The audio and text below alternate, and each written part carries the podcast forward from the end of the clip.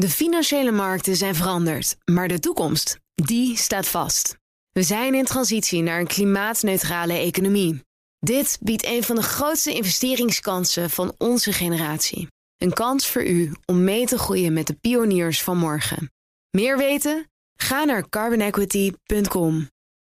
Carbon Equity. Do good by investing better. Een goedemorgen van het FD. Ik ben Elfanie Toulaar en het is vandaag woensdag 21 september.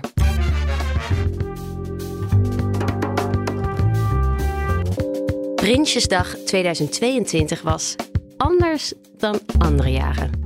En niet zonder reden. Er waren ook opmerkingen richting de koning van landverrader. De energieprijzen reizen de pan uit. Maar er is een plafond. Ja, volgens het kabinet gaat het voor een gemiddeld huishouden ongeveer 2280 euro op jaarbasis schelen. Dus dat is echt wel echt een forse tegemoetkoming. En vermogen zwaarder belast en arbeid minder zwaar. Wat is daarvan het effect? Die partners op de Zuidas zullen zich misschien toch nu een beetje achter de oren krabben en kijken van uh, ja, wat gaat dat voor mijn belastingdruk betekenen? Dit is de dagkoers van het FD. Het is pijnlijk dat steeds meer mensen in Nederland moeite hebben met het betalen van een huur, boodschappen, zorgpremie of energierekening. In een jaar waarin de inflatie piekt en vooral de energieprijzen de pan uitreizen, klinkt de roep om financiële hulp extra hard. Saskia Jonker, chef van de redactie Economie en Politiek, vertelt hoe dit de Prinsjesdagplannen beïnvloed heeft. Saskia, tot op het laatst is onderhandeld over de inhoud van de Prinsjesdagplannen. Waarom? Ja, dat is uh, anders dan anders. Want normaal gesproken dan is die begroting al drie weken lang uh, ingeleverd bij de Raad van State. En die uh, mag er dan een oordeel over gaan vellen. Maar nu was de druk zo hoog om toch nog dit jaar iets te doen en iets extra's te doen voor mensen um, die de hoge energierekening niet meer kunnen betalen of, of straks niet meer kunnen betalen. Uh, dat er echt tot op het laatst is onderhandeld over een extra uh, pakket. En dat werd dus dinsdagmiddag ook nog even in allerijl gepresenteerd. Deze plannen liggen er nu, maar het lijkt alsof er nog best wel wat losse eindjes zijn. Klopt dat? Ja, dat klopt. Ja, een uh, van de losse eindjes is of er nou nog een extra pakket komt voor ondernemers. En dan uh, niet kleine ondernemers, want die kunnen hier nog wel uh, gebruik van maken van dat energieplafond. Maar de grote ondernemers en ondernemers in de energie-intensieve industrie, daar wordt nog over gesproken. En dat gaat hopelijk uh, binnenkort uh, er ook van komen. En een ander uh, los eindje is hoe gaat dit betaald worden? Want um, er is nog geen dekking in de begroting van nu voor alle plannen. Hmm. dus de rekening is een, een, beetje doorgeschoven, eigenlijk zou je kunnen zeggen, naar het voorjaar. Als er wordt onderhandeld over de voorjaarsnota. Tot, dat is in mei vooral, in juni. Het was ook een beetje een andere Prinsjesdag, omdat er heel veel protest was. Hè? Er werd veel geboel geroepen, ook tijdens de balkonscène. Um, is daar nog op gereageerd eigenlijk? Uh, ja, onze uh, correspondent Bas Knoop, die heeft uh, het persgesprek met Rutte gedaan. En nou ja, die zei, Rutte zei ook wel dat hij snapt dat er, doordat mensen die energieprijzen zo in hun portemonnee voelen, dat ze, dat ze weinig vertrouwen hebben in het uh, kabinet. Um, maar uh, er waren ook opmerkingen richting de koning van landverrader. En dat vond hij echt belachelijk. Dus de plannen moeten alles goed gaan maken. Ja. Het dat, vertrouwen herstellen. Dat uh, hopen ze dan maar in aanloop naar de verkiezingen in, van de provinciale staten in maart. Straks om uh, kwart over tien, geloof ik, beginnen de algemene beschouwingen. Wat kunnen we daarvan verwachten?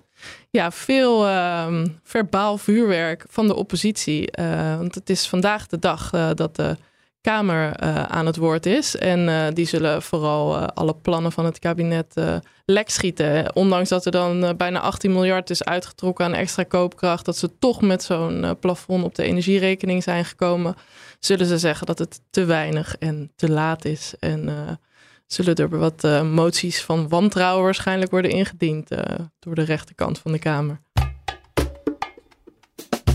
Een direct gevolg van de oorlog en de internationale sancties tegen Rusland is dat gas, elektriciteit en voedsel flink duurder zijn geworden. Het kabinet gaat huishoudens helpen bij de hoge energieprijzen. Er komt een prijsplafond op gas en elektriciteit. Energieredacteur Eva Rooyers legt uit hoe de regeling werkt. Uh, het is misschien goed om te beginnen met de volumegrens waarbij het prijsplafond gaat gelden. Uh, daar hebben ze gekeken naar wat een gemiddeld huishouden ongeveer verbruikt. En daar gaan ze uit van 1200 kubieke meter voor gas en 2400 uh, voor elektra. Um, en iedereen die zeg maar niet meer dan dat gebruikt, dus als je tot dat niveau gebruikt, hoef jij niet meer te betalen dan het prijsplafond dat het kabinet instelt. Dus zo blijft eigenlijk je energierekening redelijk voorspelbaar en behapbaar. Omdat je weet, als ik maar niet daarboven kom, dan is mijn energierekening uh, nog redelijk te betalen. Uh, huishoudens die daar wel boven komen, die gaan de marktprijs betalen. Dus die betalen gewoon wat de energieleveranciers nu vragen. Bijvoorbeeld de gasprijs ligt nu gemiddeld op uh, 3,50 euro per kuub. En het kabinet die gaat dus werken met een prijsplafond van 1,50 euro. Dus dat geldt gewoon 2 euro. Dus dat is, um, ja, volgens het kabinet gaat het voor een gemiddeld huishouden ongeveer 200, 2280 euro op jaarbasis schelen. Dus dat is echt wel echt een forse tegemoetkoming. En, deze, en dit energieplafond gaat gelden voor sowieso 14 maanden, hè? Nou, het gaat in ieder geval gelden voor volgend jaar. En vanaf november komt er een soort tussenmaatregel die die die maatregel inderdaad een beetje nabootst. Uh, dus waardoor inderdaad die rekeningen, als het goed is, al wat lager kunnen worden. Uh, maar er moet nog ook heel veel uitgewerkt worden. Maar dan heb je ook nog de kleine bedrijven. Iedereen heeft in de media en overal gezien de bakker op de hoek. Die uh, continu moet stoken. Is daar ook wat voor geregeld? nou, voor echt het kleine MKB gaat deze regeling ook gelden. Maar voor de bakkers, dat zijn echt energie-intensieve bedrijven. Uh, en daar komt dan weer een apart uh, pakket voor. Tenminste, ik weet niet precies hoe die scheidslijn ligt tussen welke bakker wel en niet. Of dat dan ook nog een klein bedrijf is waarvoor het geldt. Of dat, dat die als echt energie-intensieve bedrijven onder een uh, andere regeling vallen. Maar het kabinet werkt echt nog naar een apart pakket met ondersteuning van het energie-intensieve MKB. Dus ik ga ervan uit dat die bakkers daar wel onder zullen vallen. Omdat die natuurlijk super veel energie gebruiken. Wat gaat dit het kabinet kosten? Ja, dat is een goede, goede vraag. Dat, dat weten ze zelf nog niet, want het hangt natuurlijk heel erg af van wat die uh, prijzen op de uh, energiemarkten gaan doen. Als die gasprijs en die elektriciteitsprijs enorm gaan dalen uh, de komende maanden, dan hoeft het kabinet helemaal niet zoveel bij te lappen. Als die op dit niveau blijven, dan gaat het om een heel hoog bedrag. Um, maar de getallen die, die de afgelopen tijd circuleerden, waren tussen de 5 en de 15 miljard. Um, en in ieder geval is, heeft het kabinet al 5 miljard gereserveerd, want dat waren ze van plan om uit te geven aan een verlaging van de energiebelasting volgend jaar. Nou, die maatregel wordt nu geschrapt, omdat het prijsplafond er komt. Dus dat potje, die 5,4 miljard, die is alvast klaargezet voor deze maatregel. Uh, maar het kan heel goed dat dat uh, lang niet genoeg zal zijn. Minister Jetten voor Klimaat die wil ook dat het vaste energiecontract terugkomt. Hè? Zodat mensen wat meer voorspelbare energiekosten kunnen inboeken voor zichzelf. Gaat dat lukken? Ja, dat vond ik nog wel een van de opvallende dingen die ik vandaag tegenkwam. Want in een, persbericht dat uh, minister Jet heeft uitgebracht, staat letterlijk. Ook heeft het kabinet met energieleveranciers afgesproken dat er weer vaste contracten worden aangeboden in 2023. Um, maar Energie Nederland, dat is de branchevereniging van uh, de energiebedrijven, die bracht een persbericht uit waarin staat uh, er zijn nog geen afspraken gemaakt over het aanbieden van vaste contracten in 2023. Hierover zijn we nog in gesprek. Um, dus uh, of dat gaat lukken, ik denk het wel. Maar ja, je hebt er als consument eerlijk gezegd, als jij nu een vast contract zou aangaan, dan gaat een energiebedrijf een enorm hoge prijs vragen. Want ze willen, uh, want ze weten gewoon niet wat die prijzen gaan doen. Dus ja, op zich heb je er ook niet heel veel aan als consument als jij nu een vast contract afsluit. Voor werkenden daalt de inkomstenbelasting en stijgt de arbeidskorting, zodat werken meer loont. In de miljoenennota van komend jaar staat dat het kabinet werkenden minder belasting gaat laten betalen. Vermogenden zullen juist zwaarder worden belast. Laurens Berendsen is redacteur belastingen. Laurens, wat zijn de plannen? Precies. Nou ja, de, de plannen zijn onder meer om uh, de tarief in de eerste schijf van de inkomstenbelasting uh, te verlagen. En dat is maar een hele kleine verlaging en dat levert een gemiddeld gezin ook maar 100 euro per jaar op. Dus dat is niet spectaculair. Maar tegelijkertijd heb je ook een arbeidskorting. Dus dat is over een bepaald inkomen uit arbeid waar je geen belasting over hoeft te betalen. dat bedrag wordt verhoogd. En al met al gaat dat op termijn een gezin met een middeninkomen toch 500 euro extra in een jaar opleveren, zegt de staatssecretaris. Dus uh, nou ja, dat, dat, dat scheelt dan in ieder geval een beetje. En uh, dan verschuift er dus wat geld van arbeid, of in ieder geval de arbeid wordt even wat minder belast. Jij en uh, Martine Wolzak hebben staatssecretaris Van Rij uitgebreid gesproken over deze plannen. Um, de kop van het artikel is: Zuidaspartners gaan nu ook een beetje normaal belasting betalen. Um, nou ja, wat bedoelt hij daarmee? Nou ja, dat heeft dus te maken met die verschuiving van, van uh, arbeid naar vermogen. Niet dat Zuidaspartners niet werken, die werken ook. Maar die hebben eh, vaak hun, uh, hun, de inkomsten uit hun werk laten ze vaak via een BV lopen. En die BV, dat, die wordt dan in box 2 uh, belast. Dat is eigenlijk de box voor, zelfs voor ondernemers die een BV hebben. Nou ja, dat doen die partners ook.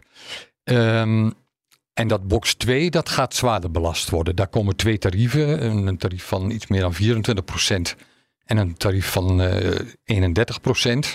Terwijl het was nu 27%. Dus daar moet je eh, meer belasting gaan betalen in box 2. Als je winst uit die BV uitkeert aan jezelf. Plus het ook, is ook zo dat uh, het lage tarief in de vennootschapsbelasting, dus in de winstbelasting, dat is nu 15% Dat wordt opgetrokken naar 19% Dus als je winst maakt en die komt in die BV terecht, moet je eerst winstbelasting betalen.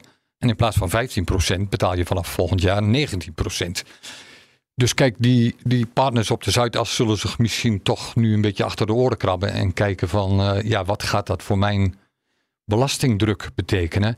En misschien wordt het ook minder aantrekkelijk om dit soort dingen via zo'n BV te laten lopen. En dat is ook duidelijk de bedoeling, ook de bedoeling van, uh, van Rij. Want wat nu bijvoorbeeld ook gebeurt, is dat mensen spaargeld in hun BV zetten. En dat is dan aantrekkelijker, omdat in box 3, waar de meeste mensen beleggingen en spaargeld in hebben zitten, wordt dat spaargeld zwaarder belast. En in box 2 minder zwaar. Maar dat soort oneigenlijk gebruik van die box 2 en zeg maar de eigen BV, dat wil Van Rij tegengaan. Ja, hij was er best wel trots op, hè? zei hij tegen jullie. Snap je dat? Ja, hij was er best trots op. En nou ja, daar kan ik me wel iets bij voorstellen. Want ja, het is natuurlijk een hele hectische tijd waarin hij is aangetreden. De, eerst is er het arrest van de Hoge Raad geweest, dat box 3 uh, onrechtmatig was. Dus daar moest hij een oplossing voor vinden. Dat ja, er werd te veel belasting uh, Er werd te veel belasting gegeven over spaargeld en beleggingen. Nou ja, dat moest hij eerst uh, zien, die klus moest hij zien te klaren. Ja, daarna is natuurlijk de oorlog in Oekraïne uitgebroken. De Russen zijn binnengevallen met hoge energieprijzen, hoge inflatie. Daar heeft hij ook heel veel tijd aan moeten besteden om dat te compenseren. En ondertussen is hij er toch nou ja, in geslaagd, voor zover we nu kunnen overzien, om ook die verschuiving van de belastingdruk al voor een deel voor elkaar te krijgen. Dus ik denk dat is wel een reden voor enige trots.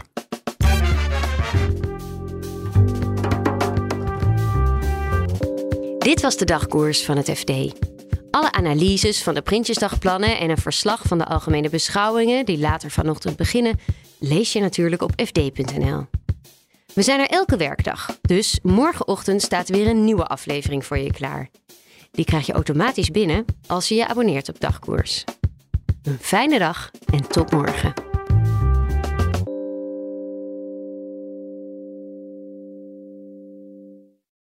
De financiële markten zijn veranderd, maar de toekomst, die staat vast. We zijn in transitie naar een klimaatneutrale economie.